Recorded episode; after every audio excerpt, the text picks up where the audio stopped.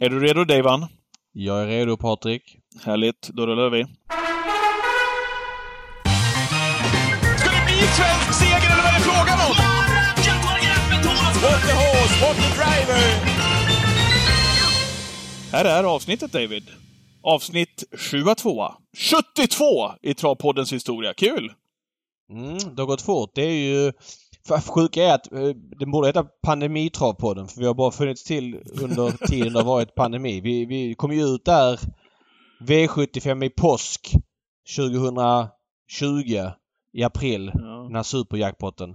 Eh, och sen så, ja det var ju i början av pandemin liksom. Sen har det varit konstant pandemi. Ja det är fortfarande pandemi men nu får man ändå gå på trav. Så nu har vi lite en annan vinkel på det här liksom. Man kan uppleva travet på ett annat sätt. Ja, det är kul. Mm. Eh, Hitta lite nya, nya spår kanske i den här podden. Som görs av Gambling Cabin. Ni har koll på det såklart. Spel och lekkontoret, där finns vi på ATG också om ni vill spela tillsammans med oss. Vad har hänt i veckan då, som vi kan ta upp i avsnitt 72? Jo, men snackisen är väl ändå Westholm Gate skulle jag säga. Där du var huvudperson i Nej, det. inte huvudperson. Det var väl Westholmen då som var huvudperson. Ja, okej. men du var närmast sörjande. Kan man säga det då? ja, kalla det vad du vill. Ja. Jörgen Westholm fick ett... Eh, ja, men... Eh, fick ett, ska jag inte säga. Han skällde på ett par saker i vinnarcirkeln. Ja, men fick han inte ett litet spel? Det kan man väl säga? ändå. Jo, men, men vi kan lyssna på vad han sa. Så här lät det när du intervjuade honom i segerintervjun på Rättvik den 1 oktober. Ger vi mikrofonen till Jörgen och segern alltså till Fenix. Eh, segern till Jörgen med Fenix Brick. Grattis till segern! Tack så hemskt mycket. Vad var du sa? Det är ingen Jörgen Westholm Höster där? Nej, vi- jag vill ju att mina ska stå vid vinnarcirkeln och se lite eleganta ut men den här vill inte det. Därför tog jag med William och tänkte att det ska bli en längre segerintervju nu så kan han skrittan. Det låter bra. Nej, det gör det inte.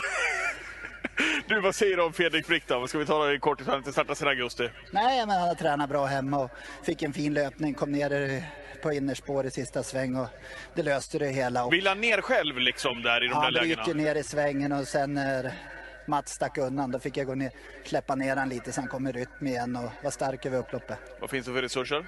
Ja, bra, men han måste lära sig att springa rakt i kurvorna. Ja, jag förstår. Eh, andra segern, Silver Bullet var fin också. Ja, vi har fått ihop två segrar, men jag har mest gått och varit förbannad hela jävla kvällen och jag är så jävla förbannad på vara Dala-tränare nu så jag funderar på att byta bana. Oj. Ja, organisationen på den här banan är under all kritik. Banan har varit så extremt dålig ikväll så till, jag fick till slut hota banveterinären med att de ska skicka ut harven för att hästarna ska få ett vettigt underlag att springa på. Det är bedrövligt. Och det här kommer jag ta till veckan. Om inte Dalatravet kommer med en skötselplan för den här anläggningen då tänker inte jag vara Dalatränare längre. Och det har jag talat om för Sven som står här så nu är jag riktigt jävla förbannad. Plus ikväll, vi öppnar efter ett och ett halvt års pandemi. Inte ett skit har vi gjort för att ta hit folket. Jag hade förväntat mig något betydligt mer bättre. Det sitter 20 personer på restaurangen. Men det är väl det här svensk travsport vill ha.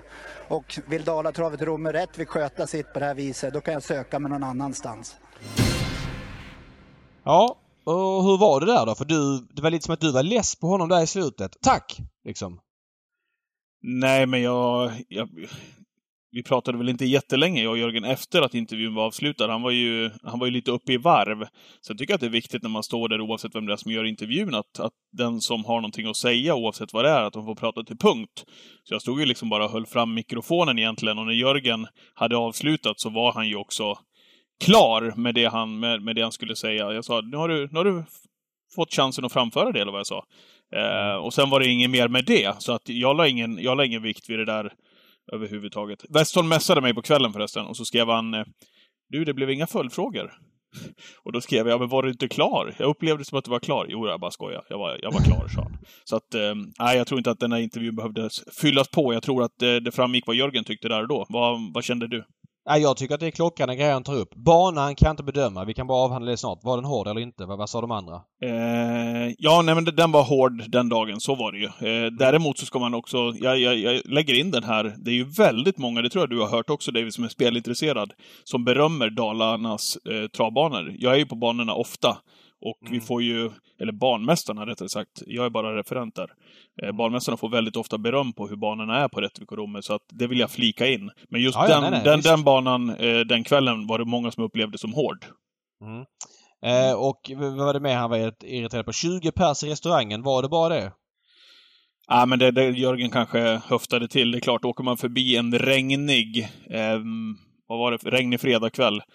Blåste halvstorm ute. Eh, tittar upp och man vet att vi har precis öppnat upp eh, banorna så kanske man också förväntar sig mycket folk. Det var inte, det var inte mycket folk på restaurangen den, den kvällen.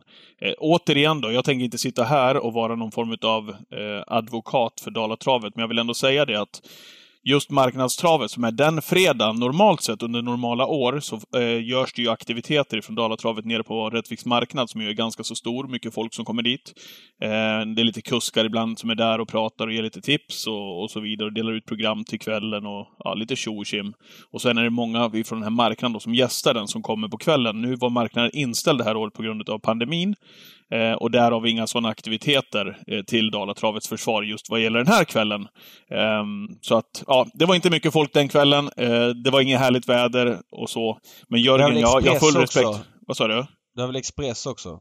Det var Express på V64 dessutom, ja. Så att, Mm. eh, men eh, jag har eh, Jörgen Westholm eh, respekt för vad han tycker och tänker och han vill uttrycka sig där och då. Så jag har inga problem med det, samtidigt som jag vet att det finns en annan bild också av det.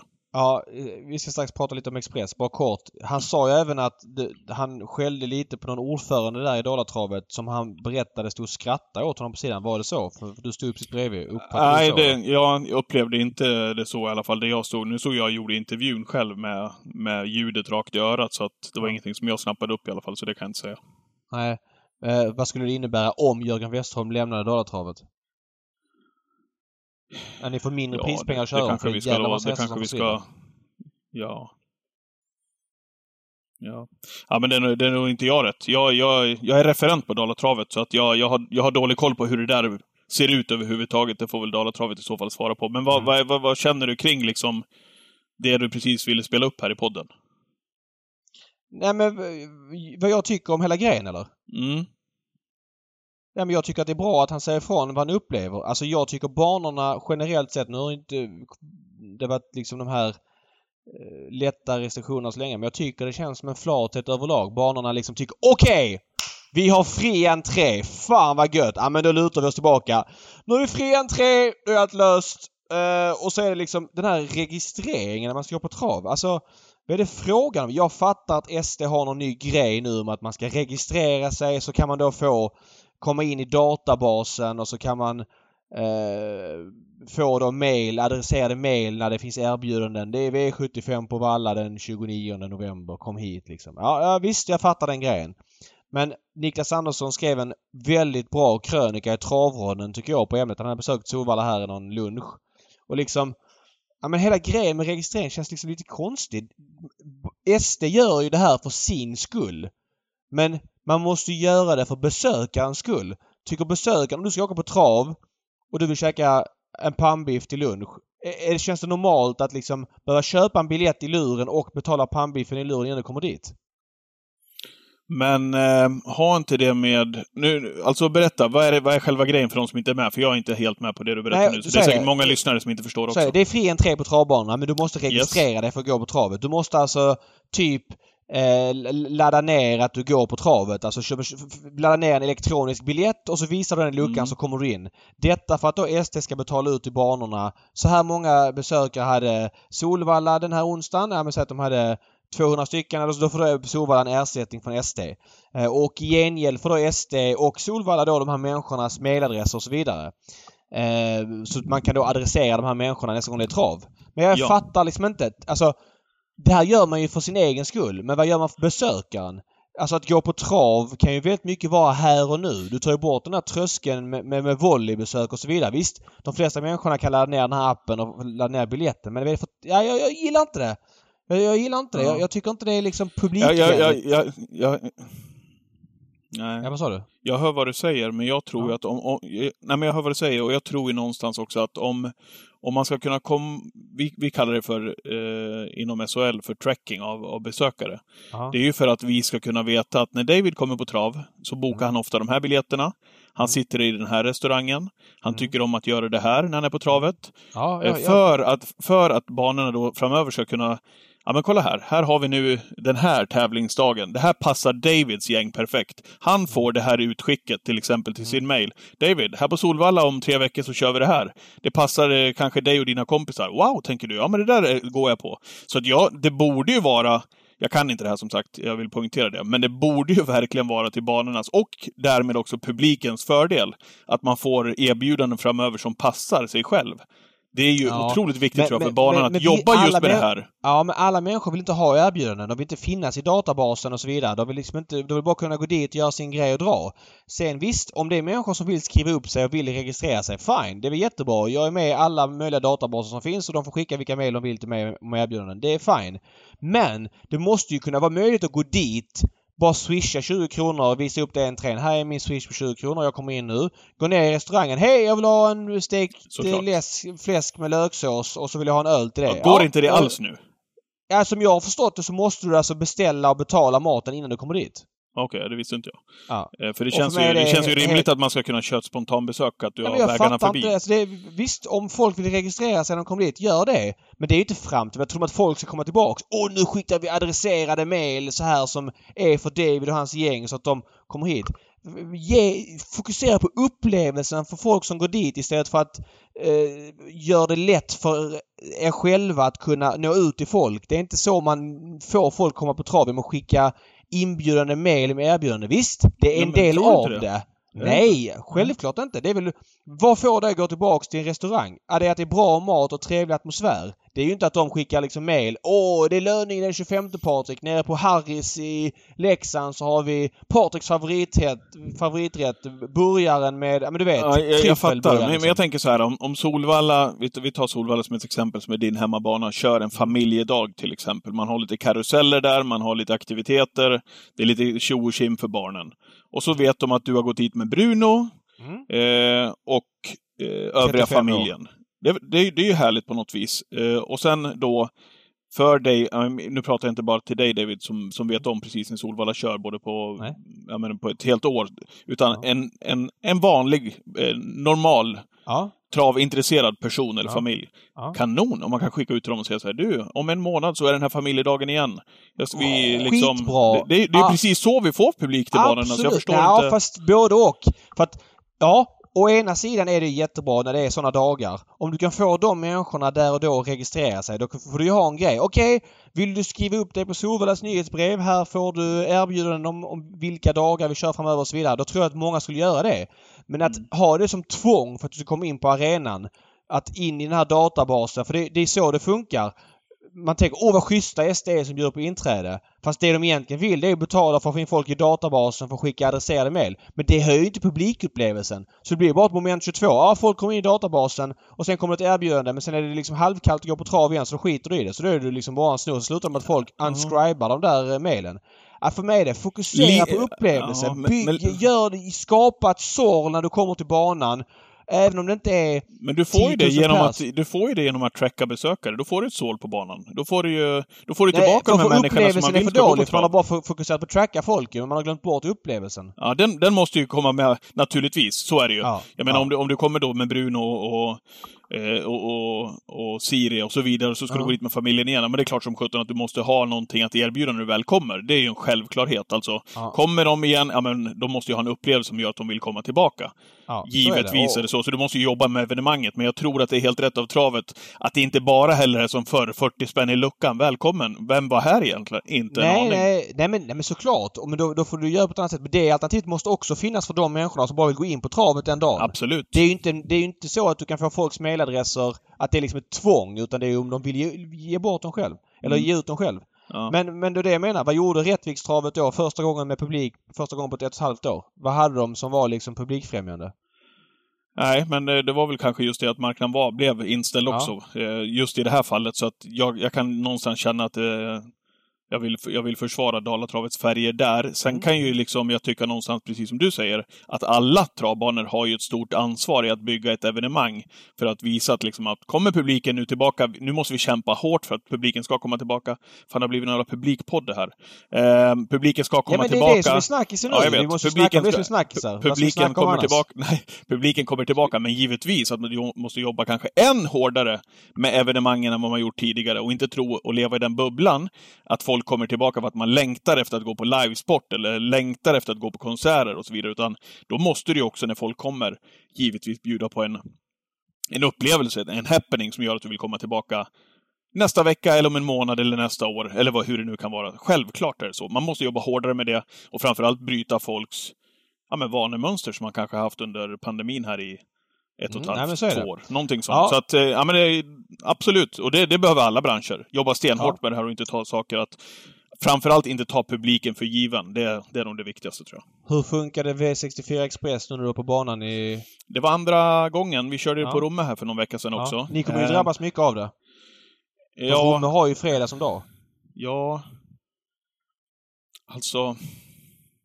Svårt det där med banorna. Alltså jag, vi har ju varit på Solvalla du och jag många gånger också när man kört V86. Det blir ju när man, när man är på banan en liten splittrad upplevelse. Man måste ha koll på liven. Om du lämnar in en helt- det är helt V86-kupong iskallt, såklart. Så att just, just banbesöket kan ju bli speciellt. Sen gillar jag själva spelformen och upplägget, att det, att det körs eh, sax, måste jag säga, Mm. på, på V64. Jag gillar det på V86 också, men det är väl mer en hemma-tv-upplevelse kanske. Det går fort. En fredagkväll, du lämnar in, du får loppen ganska så snabbt. Så att, Men, men ja, jag vill bara säga det. För mig är det ju, som jag sagt tidigare, det här är en jätteskillnad för mig mot V86. För det här är ju en grej som rullar runt på flera banor.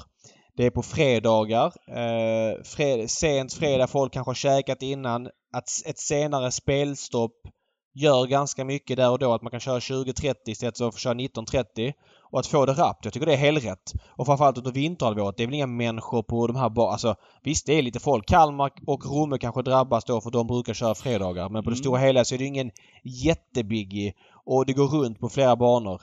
Tycker det är skiträtt. Testa det. Sen omsättningsmässigt, det var väl strax under 7 miljoner i, i fredags. Det var i alla fall nästan 2 miljoner mer än om det inte hade varit Express. Vi får se vad det landar efter ett tag och så vidare. ja. Jag- men jag men å, återigen då, att man kanske inte bara släpper och säger så här, okej, men det är sax, det kommer ingen folk. Utan kanske just av den anledningen, kanske jobba hårdare med det, eh, med det upplägget just de dagarna också. För att, Mm. ja men ta upp en travtränare kanske på restaurangen som får sitta och förklara loppen. Prata Ja. lite grann emellan. Eh, nu är det lopp på Kalmar, nu kollar vi på det tillsammans. Analysera Ja. Lite grann, prata lite grann med publiken som får ställa frågor. Det finns ju liksom det finns ju saker att göra. Det går inte bara att säga så här, "Ja, men V64 Express på fredagar, V86 Express på onsdagar, vi skiter i det. Det är en Nej, nej, men jag tror, utan- att v, jag, jag tror på V64 Express. Jag tror verkligen Mm. på den produkten. Det är Mm. mycket bättre, eh, mycket mindre negativa effekter med den produkten än vad V86 har haft. Så Ja, att, eh, ja. att Solvalla då som tvingas leva i V86 expressandet har liksom inga andra alternativ. Det, det, där finns det ju en tydlig nedsida. Det är inte en Mm. käft på Valla på onsdagar längre. Eh, Det är inte en käft på, på många andra banor på många tillfällen ändå. Men eh, att köra tävlingsdagen själv är i alla fall en bra början. Sen tycker jag sporten har en utmaning i att köra loppen snabbare på vardagar för att attrahera TV-publiken. Men det är en helt annan fråga. Men jag tycker V64 Express funkar skitbra. Eh, jag tycker det är kul att du upplevde det helt okej på banan också. Ja, faktiskt. Det var... Mm. Och sen eh, om jag, om jag får tala för, för de banorna som jag, som jag jobbar åt också där. Man hade, man hade lite sponsorer där som man tog hand om. Man eh, ja, hade prisutdelning och så vidare. Man hade, ja men, det var, jag tyckte ändå att det var, trots eh, en mörk, jäkligt mörk och kall höstkväll så tycker jag att man man gjorde vad man kunde den dagen med Ja. en inställd marknad och så vidare. Sen kan man alltid jobba med publikevenemang, men det gäller ju alla banor. Ja. Mm. Eh, ja, spännande. Vi får se. Fortsättning följer här och vad det här trackandet leder till om um, erbjudanden framöver att gå på Ja, trav vi och så se. vidare. Hoppas att eh, upplevelsen ändå blir prio istället för att tracka folk. Ja. Du nämnde, du var inne på det, ehm, Dalatravet. Eh, ska vi gå in på en Dalatravet-tränare eller ska vi ta V75 ifrån eh, i, i lördags? Hade du någon take därifrån Skellefteå? Det var ju stor jackpot. Jag måste säga att eh, ja, det kändes som en sån här riktig höstomgång. Det var länge sedan. Lite halvtung bana.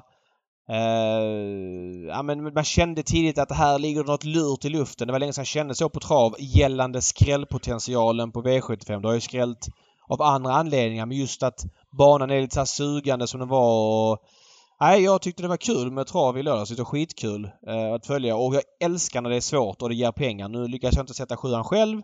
Eh, men ändå att det ger pengar, det gör att det finns hopp på någon vänster och att det är liksom oförutsägbart. Mm. Så att, ja. Vad känner du själv för tävlingarna i lö- i lördags? Alltså, det är ju det är tråkigt när man går på en stor favorit i Tangenhop och så, och så ryker man på en sån. Det är ju... Det är, det är, så är det ju alltid. Jag hade inte räknat med det. Eh, framförallt inte när Erik blåste till ledningen och blev nedspeedad av stjärnblomster till slut som gjorde det jättebra, men jag blev lite paff. Hade, E- hade en Erik Norsken kvar där, eller? Det var... Mm, han hade norsken och tussarna kvar. Han sa i cirkeln efteråt att eh, jag kunde dragit om. Han sprang så fort han kunde hästen. Så att, eh, Mhm. ja. Jag, jag, jag, de toppkuskarna brukar veta vad som händer i de lägena. Eh, Det är Ja. väl som ett vapen. Men visst, det kan, kunde ju påverka. Det vet man ju inte. Och Erik var ju väldigt självkritisk i Ja. efterhand. och Det ska man ge en eloge han, ja, det brukar han ju vara i och för sig. Han är ju jävligt duktig i de där Ja. situationerna. Det är en av de absolut bästa. Jag bytte Mm. över till hockeyn när jag flög på... Så kollade Ja, jag okej. loppen i efterhand sen jag, jag tröttnade ur. Nej, Det, det, det känns ju bättre att flyga på Tangenhop om man har ryckt norsken och, och tussarna, bara för att Ja, få det det förstår jag. kvittot att han inte hann Det dit. Sen var det Sta- Melander. Ja. Ja, Micke Melander Show skrällde ju en, en. Sen var det 3 procent att han Torpapål som vi lämnade klart på twitchen i lördags mer eller mindre. 13.00 kan man följa det. 13.00 Ja. på lördag. Eh, och Devils Tang var väldigt bra. Vann på 11-8 för Sanna Eriksson och det är en häst som mellan 11-8 halvtung bana, Skellefteå och sådär. Mm. Inte halvtung men halvkladdig. Ja. Eh, nej, bra, bra sport och skön mix. Jag gillade omgången i lördags. Man kan säga så här, kall inledning för mig. Jag hade garderat ganska rejält i första och så får man Leave Your Socks On som bara var bäst liksom, som, som knapp favorit. Och sen spikar en stor, en stor Ja. favve och får stjärnblomster. Då var det ju rullgardin redan där. Så att, Skönt att du får ny chans på lördag då. ja, men det är härligt. Fina tävlingar förresten. Vi ska återkomma till dem alldeles strax. Ja. Eh, Okej. Eh, veckans gäst, David. Kul! Mm. Emilia Leo, Sveriges montédrottning. Leo, sa du det? Leo, L-E-O. Leo. Här kommer de. Ja. Välkommen till Travpodden säger vi till Emilia Leo. Tack så mycket. Vad kul att du är med. Ja, vad kul att jag fick vara med. Ja, vad härligt. Vad, vad, vad gör du? Eh, nej, jag eh, har hållit på och grejat här ute i stallet. Jag hade såklart glömt av att jag skulle vara med här så att Ja. fick panik Jaha. när ni skickade och laddade ner Skype jävligt fort. Men det gick bra. Ja, oj. Ja, Du- ja men då då var det ruggigt Jag kan säga, sett till att vara travaktiv i Sverige, om du fick ner det på under 10 minuter så, så är du alltså i den bästa procenten av de vi har haft med. Snittet är ju att det tar en timme Ja. annars att få liksom en, en aktiv författare. De har haft en vecka på sig, så det är bra. Ja, ja vad bra. Du, eh, vem är du i Travsverige? Men jag säger att du är Travsveriges montédrottning för dagen. Vad säger du om det? Eh, ja, men det har väl blivit lite så kanske. Mm. 106 starter har du gjort i år eh, på, i montén och 31 segrar. Ja, 35 segrar, förlåt. 35. Jag sa fel. 33 segerprocent, 2,1 miljoner inkört. Det var faktiskt eh, siffror som jag eh, var lite chockad över. Att du har kört så många, eller ridit så många montélopp. Vad säger du om de siffrorna? Är det någonting du är nöjd med? mm, ja, alltså det låter ju i alla fall hy- hyggligt när man säger sådär. Sen så känns det som att det gått eh, lite trögare i år. Så. Men jag rider lite mindre tror jag än vad jag brukar också. Men eh, det får väl vara godkänt. Vad, vad tycker du om montésporten ja, i Sverige för fortsätt. dagen? Vi har ju pratat mycket om den i den här podden där jag bitvis har skällt lite grann på den och då, då skäller jag ju mycket på jag tycker väl att montén har blivit lite sista hållplatsen för många äldre hästar och många montélopp är eh, hästar utspridda. Det vet få som satsar på montén tidigt. Vad, säger du om det? Jo, nej men det stämmer, jag håller med. Och det är svårt att komma ur det där. Jag vet inte riktigt hur man ska alltså, ah, höja statusen eller få det på något annat vis heller. För att det, det känns som att den stannar lite där. Mm. Men vad, vad skulle du vilja göra då? För att den, eh, har du något, något konkret som du känner att det här skulle nog lyfta sporten lite grann? Nej, ja, det är jättesvårt. Jag har ju suttit med i styrelse och sådär och vi har jobbat med de där frågorna och det är jättesvårt. Alltså, många säger ja, men vi måste höja prispengarna, det måste vara mer lopp och sådär. Men man kan inte ha mer lopp om de loppen inte är fulla för det är ingen som vill se på halvfulla lopp. Eh, och, då, och då kan man inte lägga in pengar i det heller liksom. Nej. Det är inte rimligt. Det, det är liksom en ond cirkel. Det är, ja, det är jättesvårt att säga alltså. Man kör i Frankrike... Men, men ska man inte också veta då, ska man inte också, vad var det Jennifer Persson vi Ja, pratade det var om det. med Det var David, det, eller? det var Ja. Eh, men också Emilia på kort tid, eller kort tid, ändå vart Montén var i början mot vad den är nu så har den tagit ett otroligt kliv. Men menar du att det liksom har stagnerat? Ja, men precis. Alltså man kanske ska ha lite tålamod såklart. Eh, en annan hade ju velat att det skulle utvecklas lite eh, mer om man skulle eh, liksom satsa hårt på det. Så, eh, så att, ja, jag vet inte, ger man, det, ger man det några år till så det är klart, det kanske går åt rätt håll. Men det känns som att det har stått still ett par år tycker jag. Men eh, när du säger att du är med i styrelser och sånt, då är min fråga, man kör ju till exempel, eh, alltså som tre och fyraåring finns det ju knappt någon monterlopp. Det är svårt att matcha hästarna den vägen. I Frankrike finns det ju jag menar, någon form av monterkriterier redan i tidig ålder. Är det en väg att gå eller skulle det slita för mycket på hästarna? Hur ser du på den biten? Mm, precis, ja, det är en bra fråga. Alltså, det är många av våra stora tränare som tycker att det sliter med Monteo, att de inte vill det. Och jag vet inte om det sliter mer här i Sverige för att vi har de banorna vi har. Mm. Eh, om det kan vara någon sån grej liksom. Eh, men ja, alltså det skulle kunna vara en, alltså, men må- det är lika där, då måste det in med rätt bra med pengar för att de ska vilja ta ut sina eh, yngre hästar liksom. Och om vi, om vi säger att No Doubt hade varit en häst som hade passat i Monté. Nu vet jag inte om man gör det eller inte. Hade du velat ta ut honom som treåring i Monté då? Om det hade funnits treårslopp i Monté förra året? Ja, alltså ja, jättebra fråga för att jag tror ju att han passar bra i Monté, men nej, alltså helt ärligt så det är liksom lite för rädd, rädd om han för. Okej. Så att, Ja men då, då Ja. blir det ju så som vi säger. Då blir det ju att det blir en ändstation för äldre hästar som kanske tänder till lite grann vid som sju, åttaåring. ja, det blir ju tyvärr det. Sen, sen, finns det ju, jag vet inte om det är liksom hästantalet och typen av hästar i Frankrike som gör att de passar bättre i Monté, för där liksom är det ju en del som ja, men är bättre montéhästar från början, liksom, även när de är yngre. Ja, fattar. Eh, och, och riktigt den typen av hästar har ju inte vi. Vi är mer mot den amerikanska typen av hästar här. Alltså, så jag vet inte om det har med det att göra också. Ja men så är det nog lite grann. Mm. Ja, nej, det där är intressant montering för att Ja, det där är, det är ju en bra, det är en otroligt spännande fråga det där. När man, ja, men man, det är lätt man tycker att man satsar på lite de här yngre hästarna. Eh, borde kanske kunna vara. Och sen då Emilia, fina No Doubt där. Då, då blir man liksom så här, ja men det, det kanske är där vi har svaret någonstans ändå. Att det, att det sliter för mycket om man vill satsa ändå på med, med sulkeloppen för en sån häst. Ja. ja, Sen å andra sidan, ja men säg att det skulle vara ett eh, treåringslopp då med 200 000 i första. Ja men då kanske jag skulle börja tänka, fundera på det liksom. mm. Mm. Eh, men, men är det jag vet inte liksom hur mycket man kan våga satsa och lägga pengar på Monté liksom för att få fram något sånt heller. Nej men säg att man, nu tänker jag högt, att säg att du kriteriehelgen kör ett monté-kriteriet. Jag vet inte. Det, det, I och för sig det är Mm. kanske fel timing för då är det för många hästar som siktar på riktiga kriteriet. Men säg att du kör ett monté-kriterie i november. Jag vet inte. Med, med 200 Ja. till vinnaren utan försök. Ingen aning. Nog Ja. hade folk varit med där tror jag. Ja men det borde, alltså det borde, ja precis. Du, fråga. Eh, du, Du- ja, varsågod Patrik. Nej, fortsätt om du var inne på det spåret. Nej, jag skulle bryta av helt och hållet också så att... Eh, Okej, då kör jag. Eh, Emilia, jag har ju följt det på, på Romme. Jag har följt det från där du började köra lopp eh, tills där du är idag. Om man bara kollar på din utveckling då, om vi bara backar till exempel till 2017 så var det 223 lopp eh, och då hade det ökat dit. Sen har det gått upp på 540, över 700 2019, 800 lopp under 2020 och så vidare. Eh, normalt sett, det, det, det, det kanske är klyschigt att säga, men det ligger väl mycket i det också. Så har man några föräldrar så har man blivit eh, kommit in i branschen och man har fått eh, kanske lite mer eh, förspänt än vad många andra har. Vart startade du din karriär och vad säger du om din utveckling du har haft på den här korta perioden? För du, du har väl inga framstående så föräldrar som har varit inom travbranschen vad jag vet? Nej, det har jag inte alls. Eh, nej, jag har fått jobbat som hästskötare och liksom jobbat mig upp. Men det är liksom, det är roligt och för att jag har jag tycker ju att jag har jobbat jäkligt länge för det här. Alltså, sen så är det ju bara senaste åren som det har släppt eller vad ska jag säga. Men för mig, jag tycker ju att det har gått jäkligt trögt liksom. Jaha, okej. Men den, den inställningen har ju du, tycker jag, när jag intervjuade dig i, i vinnarcirkeln på Romme lite då och då. När jag säger så här, du var bra det går för dagen, tycker du? Eh, jag tycker att det går lite segt. Är du självkritisk så, eller vad har du för höga förväntningar på dig själv? Eller vad säger du? Eh, Jo, men det självkritiska är väl absolut. Men, men om man ska liksom, ska man jämföra, jag är ju ändå, hur gammal är jag? 29. Eh, då är jag inte så jäkla ung. Liksom. Alltså, om, ta, alltså om du tar liksom grabbar i, som börjar ta licens när de är 18, det går lite fortare då. Alltså, Mm.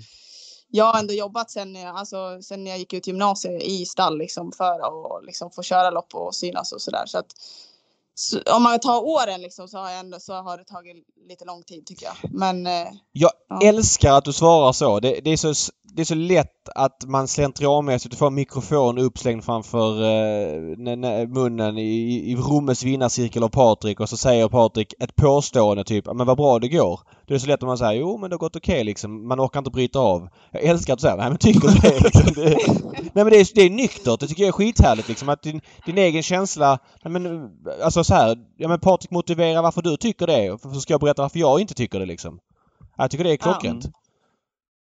Men, men, men, men hur, hur bra Men- skulle det gå för att det ska kännas bra? Var skulle du vilja vara om du är realistisk? Ja, det där är en bra fråga. Men jag är en sån där som kanske aldrig är riktigt nöjd, eh, tyvärr.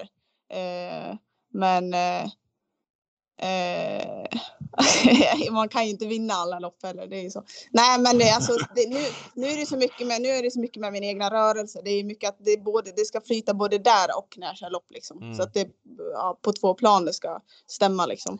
Men vad kommer prioriteringen vara framöver? Eh, du är ju fortfarande mer känd som ryttare och kusk än tränare. Har du haft ett par fina tränarframgångar framförallt då med No Doubt förra året och Polykrates Face i år ett par till. Men hur ser framtiden ut? Eh, nej, men det blir träningsbiten mer och mer, eh, hoppas jag, eh, är tanken i alla fall. Ja. Eh, jag provade ju att satsa fullt ut på att köra, Ja. köra allt, allt jag fick och sådär. Men jag tyckte att jag, nu kanske det också att jag inte gav det kanske tid, jag vet inte. Men jag tyckte att jag kom till en nivå och sen eh, tog det lite stopp. Och om det beror på att jag inte är tillräckligt bra eller att jag inte kommer få mer chanser, det vet jag inte. Men jag tyckte att jag ja, men tog mig dit och absolut att det hade kanske dugit liksom. Men jag tyckte inte att det ah, varit tillräckligt bra om vi ska säga så. Mm. så då, och tanken är från början alltid varit att tränat eh, också så att eh, det är därför jag har gått, gått mer in på den linjen nu. Då. För att om du beskriver säg 2019 som var ditt bästa år. Alltså du, du körde ändå in 9,1 miljoner, hade 17 i segerprocent, eh, vann alltså då 118 lopp på 701 starter.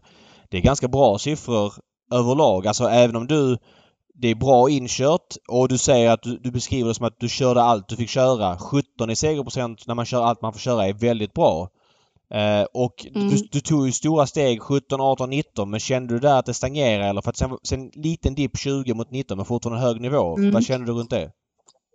Ja, alltså det är ju så här att eh, det där året det gick bäst, då hade jag fortfarande lite såna här eh, fördelslopp Ah, eh, att köra och, det, och åren innan också. Från början, alltså första åren när det gick bra, ja men då var det breddlopp och sen fick man inte köra breddlopp men det var fortfarande lärlingslopp eller ungdomslopp och sådär. Mm. Eh, det är det som är skillnaden, att nu har jag, nu har jag absolut inga fördelslopp eh, kvar liksom, eller från förra året då, liksom.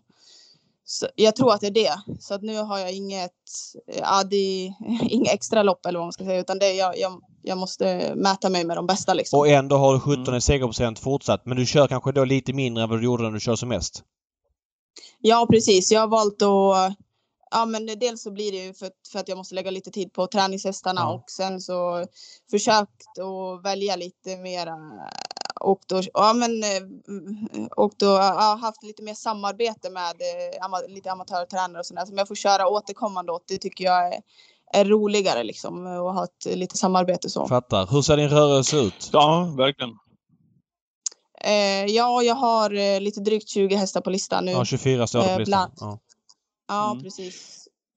Det som är kul när man kollar till den Emilia, träningslistan just nu 24. Vi kan återkomma till det, liksom hur, jag, för, jag förstår inte hur du får ihop allting liksom med, med träning på 24 hästar och att du rider och ändå kör så pass mycket som du ändå har gjort och gör. Men om man kollar till träningslistan just nu så har du till exempel fått in eh, du har ju tränat upp då miljonären Sign Me Up to, du har Polykrates Face som vi ska återkomma till alldeles strax, som ju är en segermaskin och gillar monté. Men du har fått in Bucks to Burn till exempel, känner vi igen från Daniel Redéns träning. Dom Perignon, eh, V75 häst eh, ifrån Roger Wahlman eh, och några till där också. Vad säger du om det och hur kommer det sig?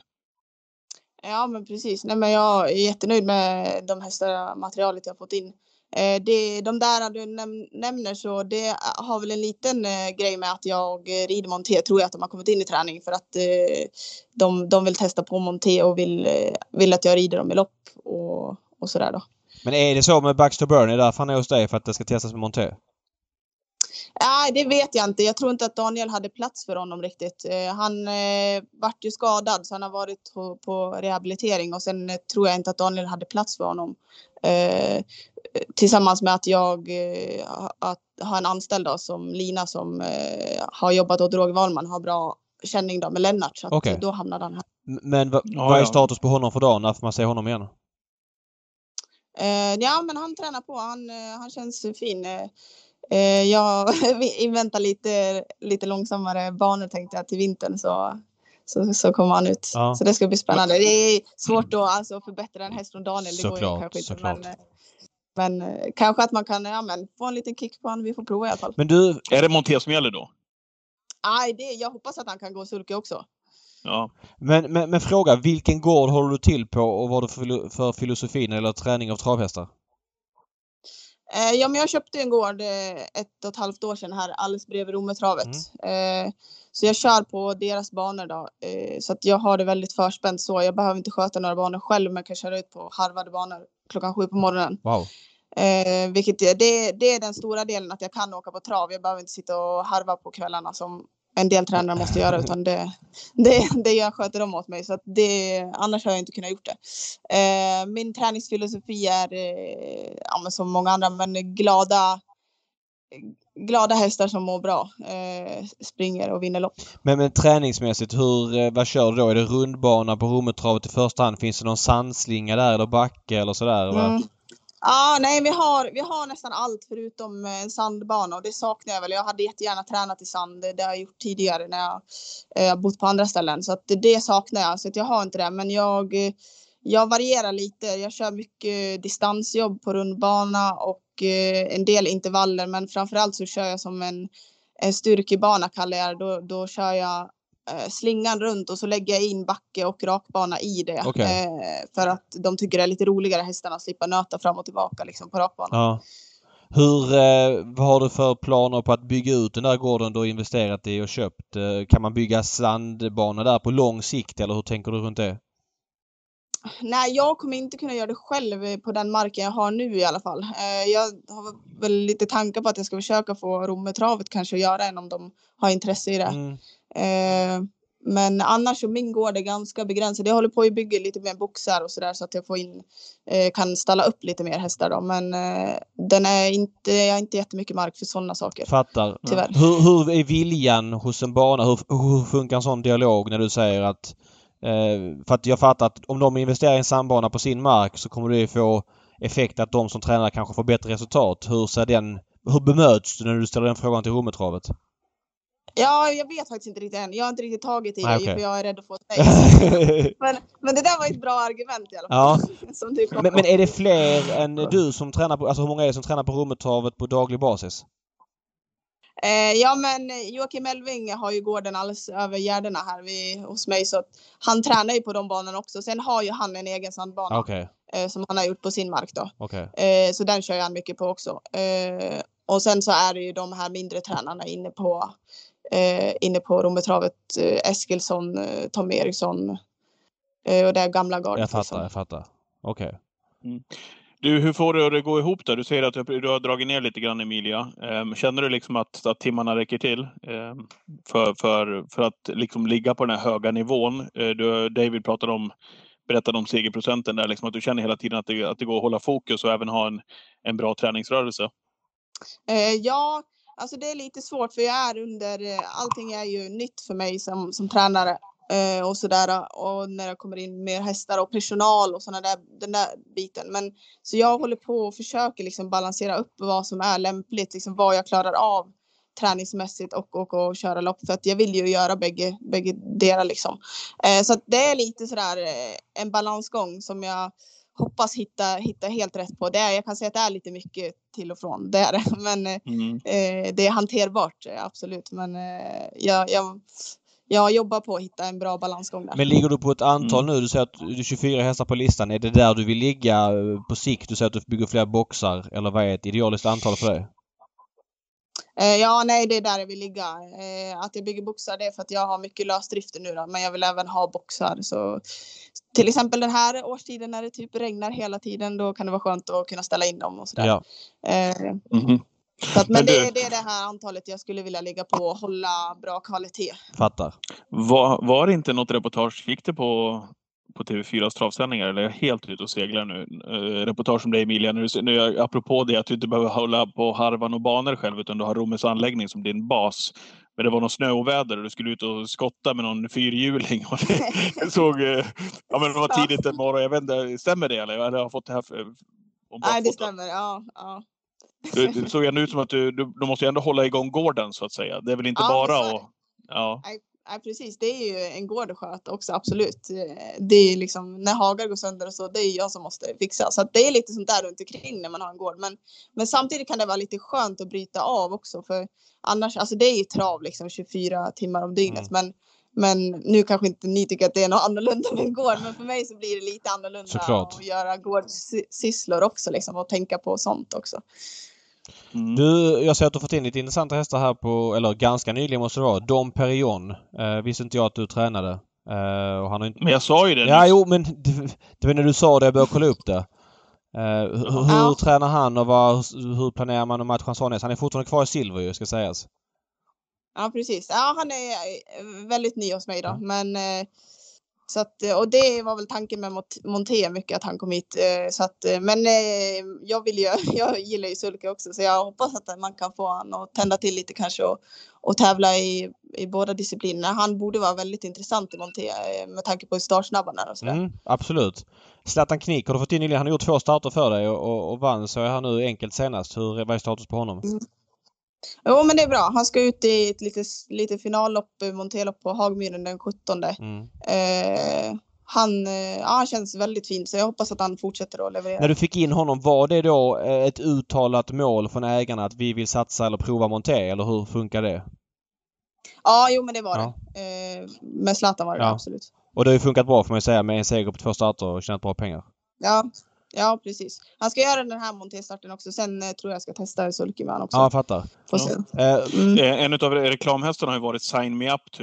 Eh, Känner du att den hästen ligger dig varmt om hjärtat? Ja, det är min bästa vän. Alltså han, eh, ja, han, han betyder, han är speciell. det kan ha varit absolut. årets mest ledande fråga. Nej, han ligger mig inte alls varmt om hjärtat. Nej, han har bara tjänat... Nej, Nej. jag, ja, jag vet, jag fattar. Men jag, jag tänker på, liksom, det känns lite grann från sidan som reklamhästen liksom, på V75 för Emilias tränarrörelse. Där. Jag kanske, det kanske är så det bara känns utifrån. Ja, Men vad är sta- ni har ju haft otroligt kul ihop. Ja, vad är status på honom idag? Numera, eller för dagen?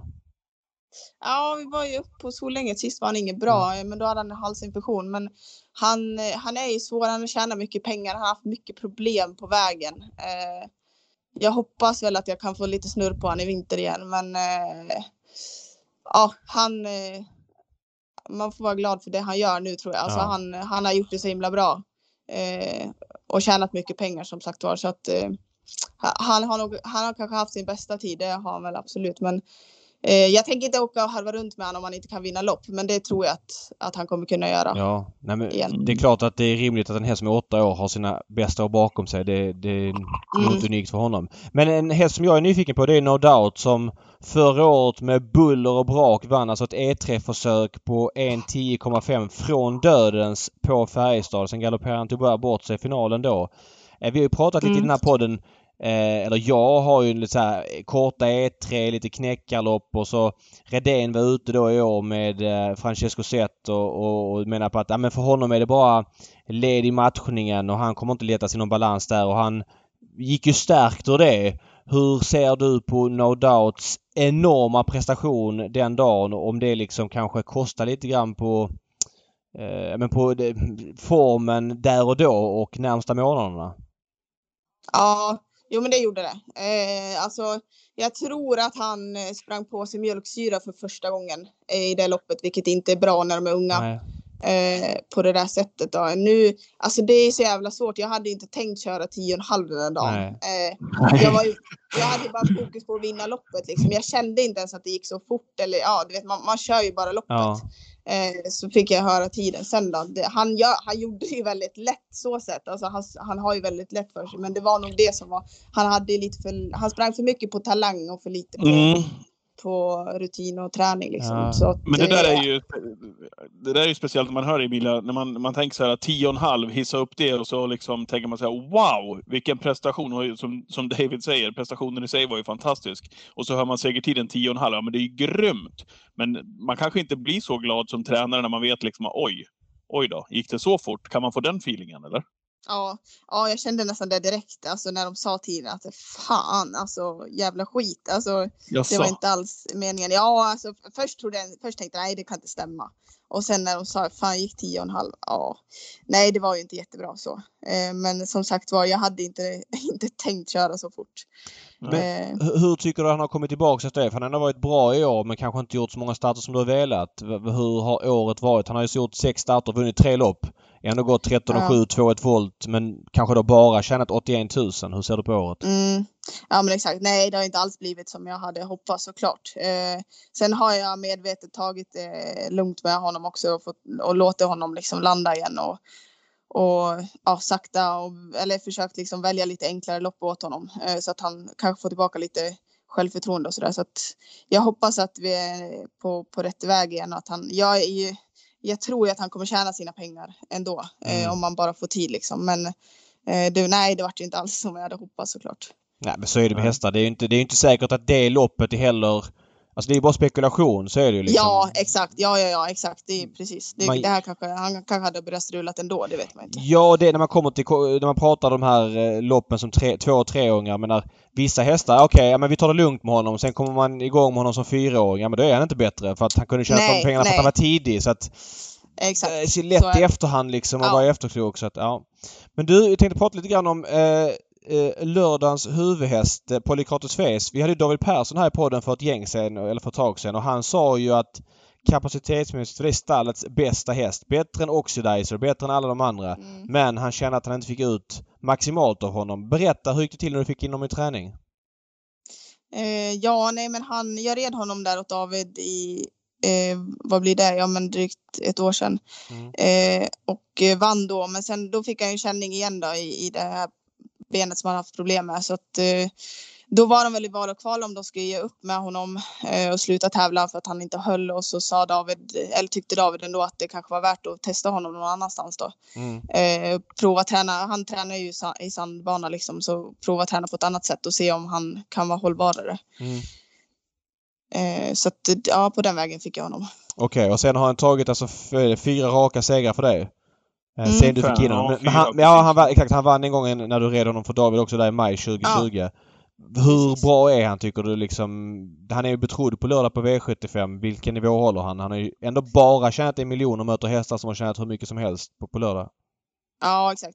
Jo, han är fruktansvärt bra. Han har så mycket inom sig. Jag, jag, David sa ju sådär till mig också att det var den värsta hästen han har tränat. Och jag tänkte, ja, ja, sådär.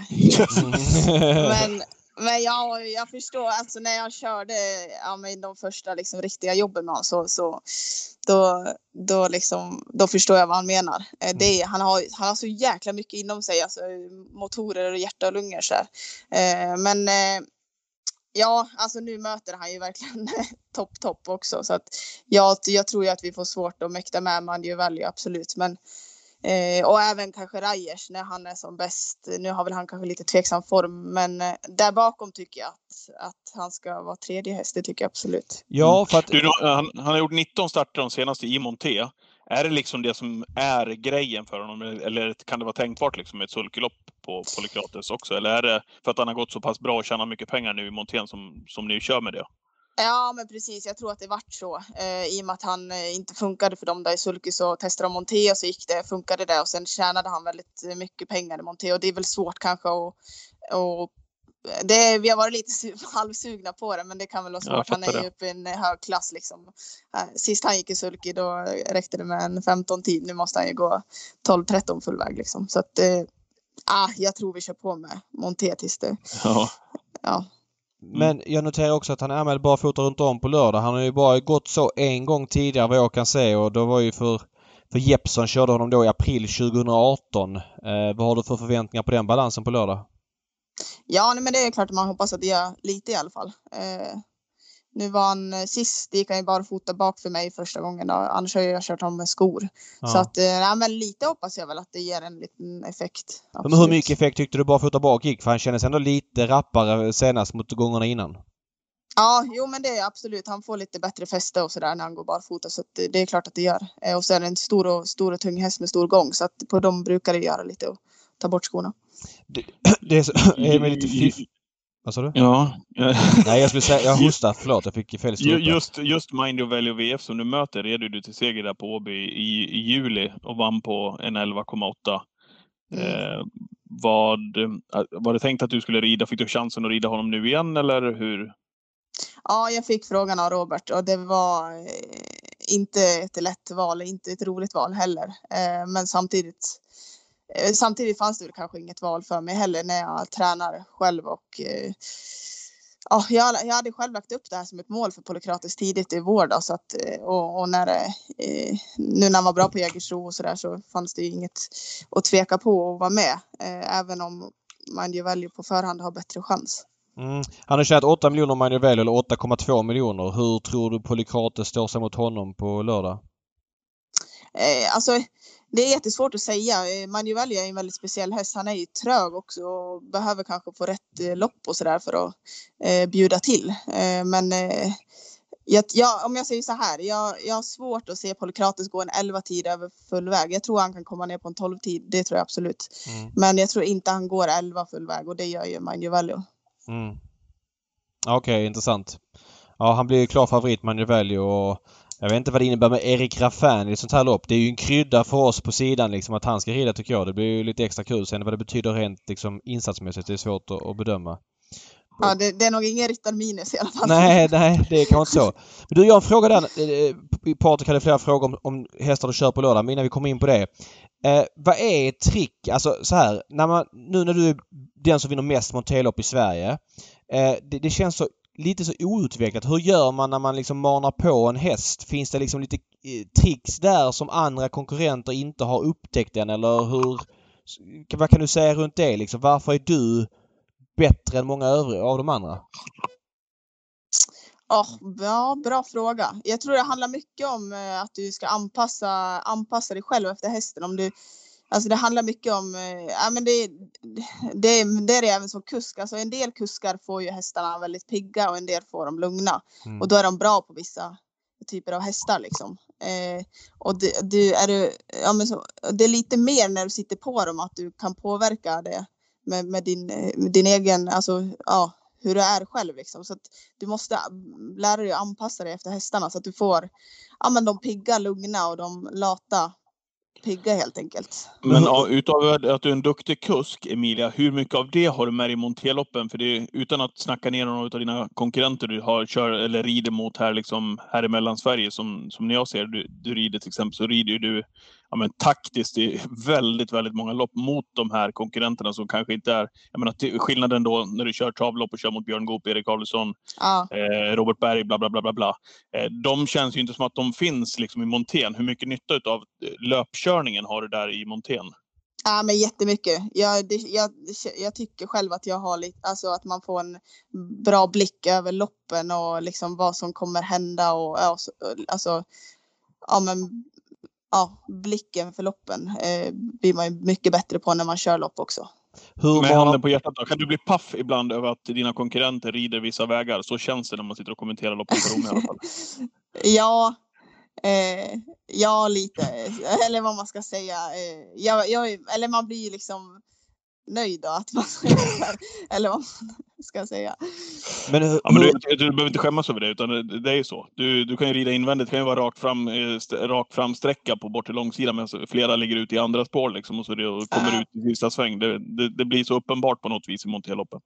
Ja, man kan få en riktig självförtroende-boost i alla fall ibland. Man Jag fattar det. hur, hur manar man på en monterhäst? Alltså vilka liksom... Um, jag var på kroppen touchar man en häst så att den förstår att nu är det allvar? Ja, alltså med, med, med spöet du har i handen får du bara använda lite på bogen och det är lite svårt eh, för att eh, det blir lite fel för hästar att driva på bogen egentligen. Ja. Eh, om, om man ska säga naturligt. Det blir fel för dem utan det, drivningen ska egentligen ske bak liksom på dem. Så att det är svårt. Du får använda mycket kropp och vikt och sådär. Och, och samla energi med din kropp liksom och, och lägga bak vikten och trycka på hästen framåt. Det, det är sånt där man lär sig när man har ridit ett tag. Eh, men det är mycket sånt för att just själva pisken går inte och eh, den ger inte så bra effekt ska jag säga. Nej, jag fattar. Men Sen typ, kan du pra prata lite med dem för att du är ju närmare öronen och sådär. Ja. Så du, ja. jag tänkte på kan man eh, dra tussarna i starten för att få dem startsnabba och stoppa tillbaka dem i loppet? ja, jo, men det kan man. Det kan man. det är det man ja. Har du, har Visste du, du det David? Ja, men jag, jag har tänkt på det någon gång. För att ibland så har man ju sett kuskar dra tussarna i starten av travlopp för att få dem snabba liksom. Men, men sen får man ju dem också lite för pigga och det är ju inte optimalt. Men jag tänkte om man kan dra dem från start och sen stoppa, stoppa har i dem i hört. Har du loppet. gjort det på riktigt Emilia? Nej, jag har aldrig gjort det, men eh, det, det skulle man absolut kunna göra. Alltså, jag vet eh, de som har ryckt och stoppat tillbaka någon, en tuss typ. Ja. Eh, och jag vet, jag själv, jag röck en huva så hade jag fast bomull under, då plockade jag ju bomullen själv liksom. Eh, för att få lite mer fart. Ja, Det är, det är ju helt överlägset ju. Ja, det Det har jag aldrig tänkt på. Då kan du liksom... Ja, just det.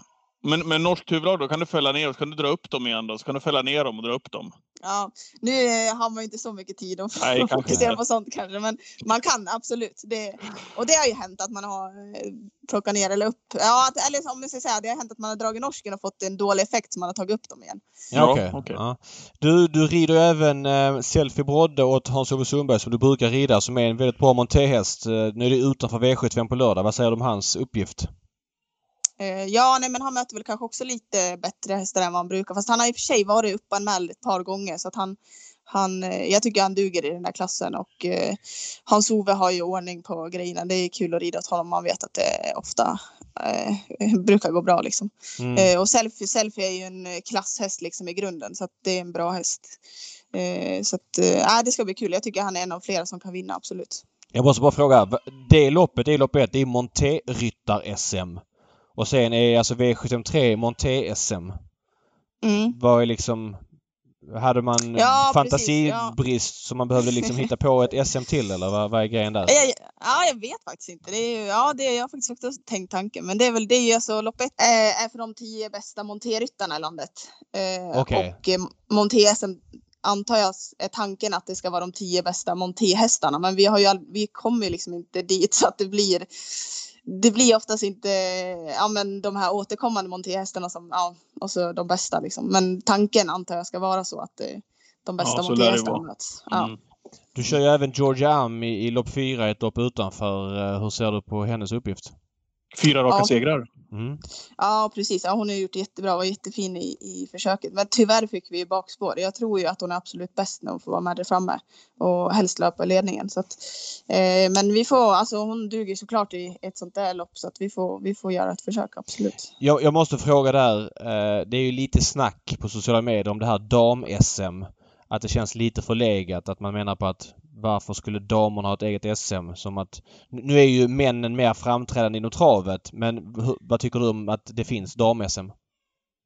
Eh, ja, nej, men jag håller väl också med om att det är lite förlegat kanske. Mm. Eh, sen är det kul för att jag får göra det, men Ja. eh, jag skulle inte ha något emot att det försvann heller. Alltså så. Det, det, blir- alltså, tänker man på det så är det ju lite konstigt att ha det. ja, jag håller med. Då borde man ha ett herr-SM också och samma proposition. Ja. Då funkar det jättebra ju.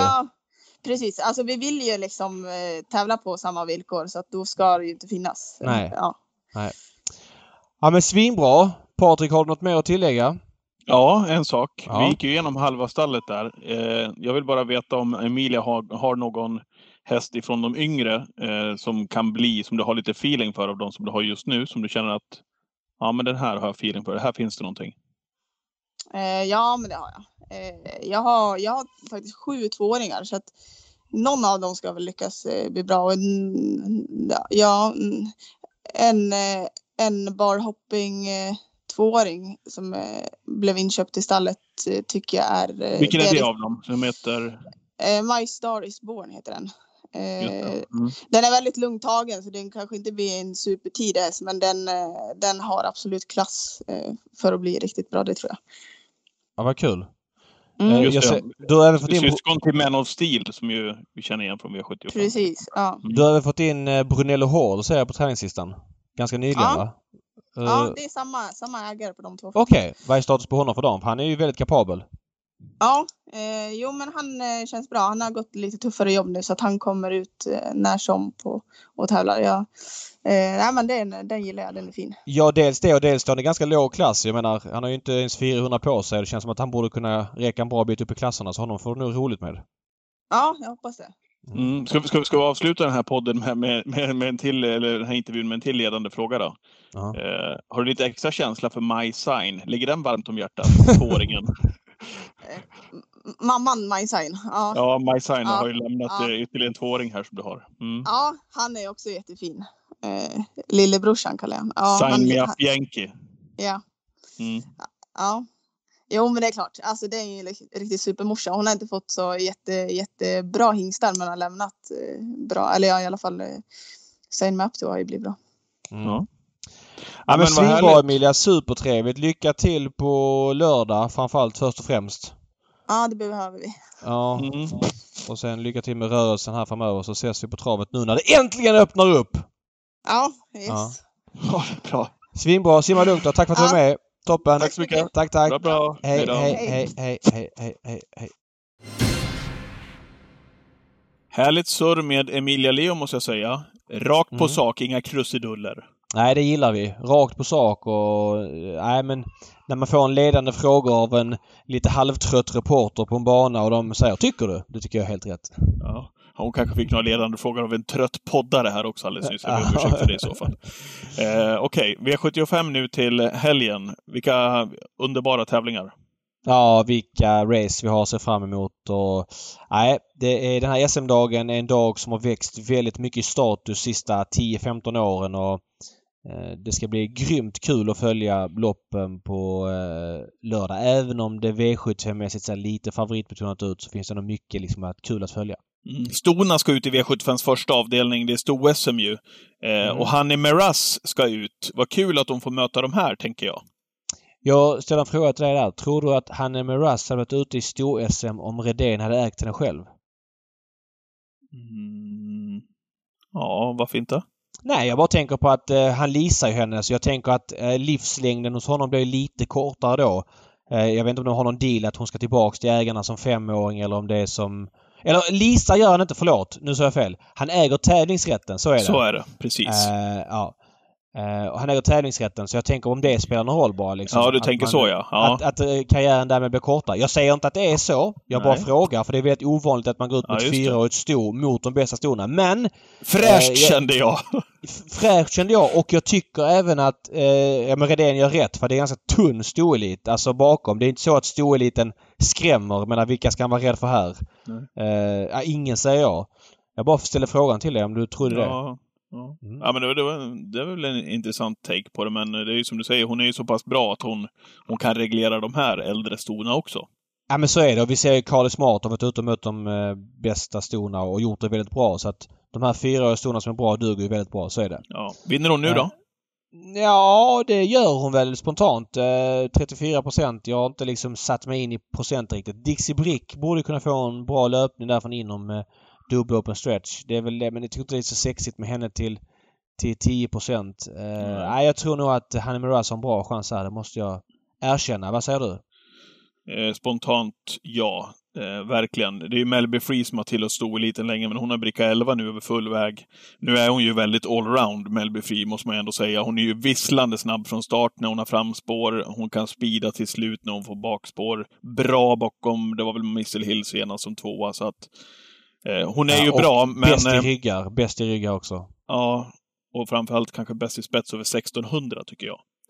Ja, Eh, från precis. sidan. Men bäst i ryggar ändå skulle jag säga överlag numera. Ja, men Eh. i, i twitchen 13.00 på lördag, fullständig information såklart. Mm. V75 avdelning 2, eh, vill du tagga in här också väl? Eller? Vill du... Jo, eh, europeisk treårschampionat. Ja. Eh, det märks att det är en lång säsong. Det är väldigt få av de här kriteriehästarna som dyker upp utan det är en liten annan mix av hästar. Cobra Killer Bar med Gul Alessandro... pilot. Ja, Då vet du vad jag spikar. ja, precis. Du blundar och spikar gult. Jag ser nu dock att den var inte favorit, Cobra Killer Bar, utan det Nej, var... Red eh, Lady Express. Red Lady Express. Mm. Eh, det tror jag Co- Cobra Killer Bar kommer vara favorit innan det, Mm. Det, närmar sig. Ah, jag har ingen vinkel på det här loppet som sticker ut just nu. Har du någonting mer att du kommer spika honom? Eh, det känns så just nu. Vi får se när vi kommer fram till lördagen. Eh, Mm, kan konstatera att den här Chirac B eh, är anmäld barfota runt om och med jänkarvagn. Eh, då vet vi att Nurmos hästar med den balansförändringen eh, brukar gå väldigt bra på den förändringen. nu, nu, det är ju inte så att jag bara blundar och spikar gult, men du, du har fått Nej. det för dig. Vi har 75 avdelning 3 då. Eh, Mind Your Value VF. Ja, där fick vi bra info från Emilia. Mm, och eh, det känns som att den prestationen som han gjorde i Monté mot Vitruvio i somras, den gör ingen av de andra hästarna här. Eh, han har varit väldigt fin på Lycratus Face men han måste ner ganska mycket i tid. Rekordsänka ganska mycket och Raish Face... Raish Face är en sån häst som han kan vara bra utan form så jag räknar inte bort Nej. honom. Nej. Men eh, 44 procent, Erik Raffin rider. Nej, Mind Your Value VF som, som är en väldigt bra häst överlag måste ha toppchanser. V75s femte avdelning hoppar dit av femåringsloppet där med 500 000 kronor till vinnaren. Drömmer och mardrömmar om han? Hästen som är favorit? det gör jag. Det gör jag. Nej, det gör du Eh, det? Nej, inte drömmer Ja, mardrömmar. men tänker, lite kallsvettig. tänker på det varje dag. Det gör jag. Någon gång varje dag. Men alltså det är inte... Jag lever med det men eh, det jag, när jag, jag tänker hans namn så tänker jag bara på, på det där. Ja. Att jag plockade bort honom på fem hästar i jubileumspokalsdagen. Och blivit själv på potten V75. På, på V75. Men, men det, det, är, det är alltså... Jag, ligger, jag mår inte dåligt över det men jag kan, tanken kan komma upp. men här har han ju en ruskigt bra uppgift. Man, man läser ju Redén mellan rader. Redén mellan raderna är ju inne på att eh, Don Fanucci har samma form som jubileumspokalen, inte alls spetsade på något vis. Så med den startsnabbheten Etos visar upp senare så kommer han väl till spets här och jag tror inte Örjan eh, är så sugen på att med spetsstriden och därmed ska han ha bra chans. Aetos Kronos. Han har ju inte startat sen han gjorde Nej, det där jag vet. loppet. Och det är, det är inte så konstigt kanske, för han gick 9 och 9 full väg. Han lär väl ha fått en liten paus kan man tänka. Formen, ja, det är väl svårt att se att den ska vara lika nu när vi kommer till höstkanten. Väl? Kommer du ihåg i våras när han startade på Halmstad där i slutet på april? Ja. Eh, då hade han inte startat sin Prix de France på två och en halv månad. Då kom han ut och var hur bra som helst. Så att eh, Mm. jag förväntar mig en topprestation av Ja, å andra sidan, är det någonting han har så är det ju skalle. Så att, Mm. ja, Nej, absolut. vilket eh, bra lopp. Calgary Games, 70 procent i V756 i talande Mm. stund. Vi pratar då ehm, UIT Grand Prix, vilket fint lopp. Ja, jättefint lopp men eh, totalt ihåligt för att ligga på en V75-kupong. I princip så här, de här franska inslagen är ju lite halvkul men jag har svårt att säga att det går utanför två eller fyra eh, i det här loppet. Mm. Jag, jag, jag, det handlar om vad Björn Goop gör. Vill han ta emot Calgary Games? Eh, ja. Då Inte på har han- Åby väl? Nej, det är det jag säger. Då har han en chans ur den aspekten. Eller så släpper han till Calgary Games för att han har en väldigt snabb häst själv. Eh, Är inte är chansen, han, är chansen han har är att smyga och, och hoppas på stretchen och att han kan hänga Nej, med? jag är inte säker på det. Om Calgary Games är anmäld med skor, går han med skor då tror inte jag att han plockar ner Samotör från dödens över 2-1. Det skulle jag vilja säga. Eh, då skulle jag bli förvånad om, om, han, om Samotör plockar ner honom. Då ser de Calgary Eller, Games. eller om eh, Calgary Games plockar ner Ja. faktiskt. Jag ska säga förvånad med skor. eh, om, han, om han plockar ner och vinner loppet. Uh, förvånad ska jag inte säga men jag skulle säga jag tror inte det är favoritscenario. Nej. Om man med skor ska plocka ner Samotör i Nej. ledningen från dödens på, på Åby. Nej. jag säga. Nej, men absolut. Sen det blir ju några... Fransmännen blir ju helt ospelade. De är ju ganska hårda och bra men de brukar ju komma på vingel i sådana här lopp i Sverige. Mm. Eh, ja, det är klart att... Jag har svårt att säga att det är kant här om jag säger så. Svenskt mästerskap då? V75-avslutningen. Mm. Eh, Brother Bill var ju väldigt, väldigt bra senast. Jeppsson fick ju inte ner norsken på honom. Fan, Eh, det, det kostade ja, det mig. Kostade, ja, det kostade mig också.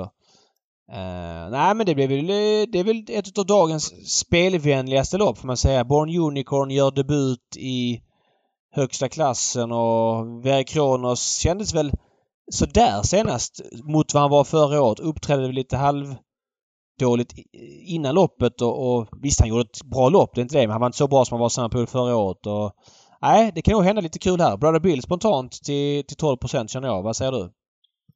Jag gillar ju den. Jag, jag har ju hållit på med den. Det är ju lätt att man liksom hamnar på dem igen då. Nu fick han läget och kommer inte bli jättehårt betrodd. Så att, eh, ja. Sen, eh, ja du vet ju vad jag gillar Garrett Boko. Det är ju... Mm. Jag vet inte vad, vad, vad det var med honom sist. Det var liksom Nej, inte så att jag fick... formlös, formlös, formlös. Ja, Eh, men titta sista hundra så är det liksom som att han biter tag i grejerna. Det är ju ja, det är liksom eh, genom sista sväng där som han springer och fladdrar och far liksom och inte följer med i rygg liksom. Så att, Jag betalar gärna för honom till som 4 procent. ja, det måste man väl ändå göra va? Men eh, senast var det drag på honom. Han var visad redan i Sundsvall att han var lite halvväg ner i form. Mm. Och det bekräftade senast. Jag menar, Missile Hill svarade honom ganska enkelt. Och, nej, eh, han är inte lika bra som han var som bäst där på, på vårkanten inför Elitloppet. Nej. Sen om det duger här eller inte, det återstår att se. Men 4 procent är ju lågt. Så Ja, det. är lågt på en sån häst tycker jag. Mm. Det, så är Mm. det. Bra David! 13.00 Twitch. Det hänger ni väl på nu på lördag. Så bygger vi systemet tillsammans med eh, alla er som vill. Det brukar vara Och bjuder upp lite andra klaringar i, i spelvärlden kan man Ja, säga. det, det, brukar, det brukar kunna ploppa upp en och annan. Två och två lördags. Enkelt. Ja. Ska vi runda med, med det vanliga? ja, det gör vi.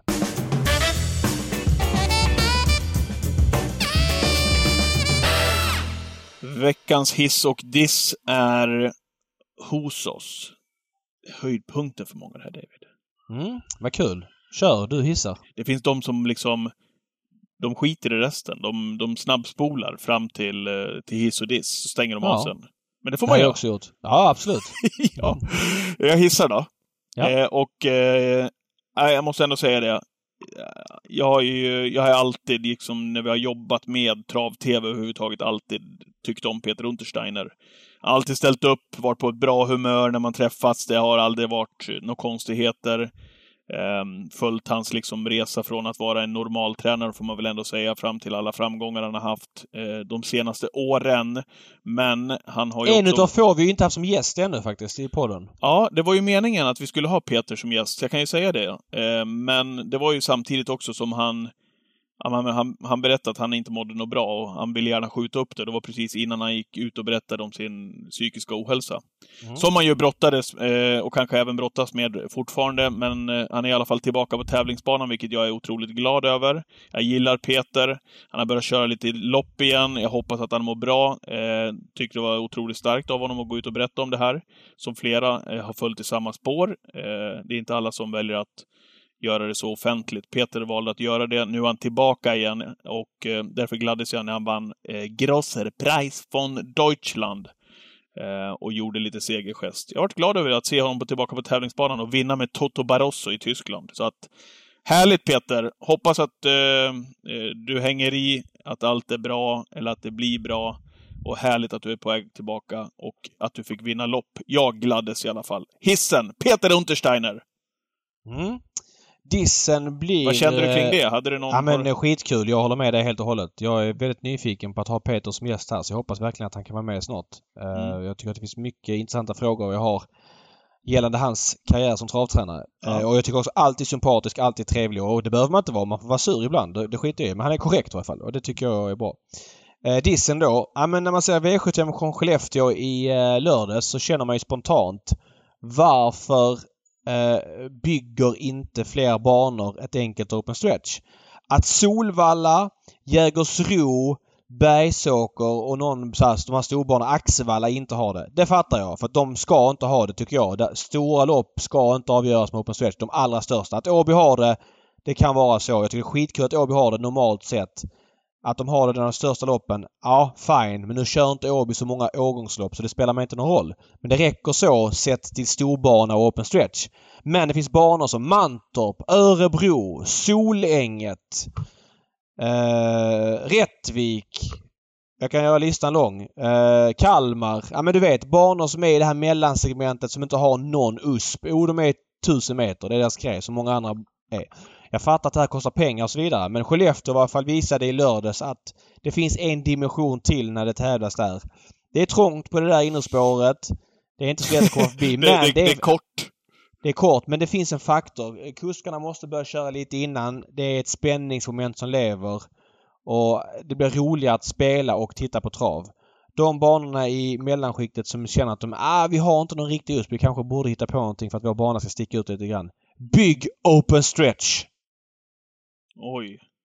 Vi har ju vinklad Mm. vinge på Romme, men det, går, det kanske du inte går igång på. Nej. Nej, men det är bättre än inget alls. Men det är någonting i alla fall. Men ni skulle haft vinklar från 1 till 8 hela vägen. Det hade varit en effekt. Att bara vinkla 7-8 gör inte så mycket. Så att det kan du hälsa de där som skra- skrattade åt West- Westholm häromdagen. nej, nej, nej. Det Nej. gjorde de inte. Nej. Du, Ja, är vi klara? vi är klara för idag och så fram emot en härlig SM-dag. Skulle du inte säga någonting om Facetime Bourbon som eh, vann lotterian i söndags? Nej, gör det du Niva. Gör det du Niva. Nej, för det sjuka var att loppet gick bara att se på Youtube i efterhand. Det var kul att han fick vinna i loppet. Det var ju ägaren Antonio Sommas största lopp att vinna och han sa ju efteråt att nu siktar man på Elitloppet nästa år efter en vinter i Frankrike. Skitkul att man säger det men jag tror på det först när jag ser honom gå ombord på den transporten Elitloppsfredagen ner från Frankrike för att det kommer hinna vara många turer fram dit. Han kommer vara dålig i något lopp och då är Elitloppet stängt och så kommer han vinna något lopp och då blir det Elitloppet och sen kommer han vara dålig igen och ja, du vet. Så att eh, vi, vi, vi får se men det är kul att man i alla fall har den inställningen. Så tar vi det bit för bit och spelar bollen där den ligger. Och vi spelar eh, nu på lördag. Hoppas att ni hänger på. Vi hoppas att ni är tillbaka och lyssnar på Travpodden nästa vecka igen. Då är vi tillbaka med avsnitt 7 3 Vi får väl se vad vi har att bjuda på den gången. Eller hur David? Mm. Hej hej! Hej!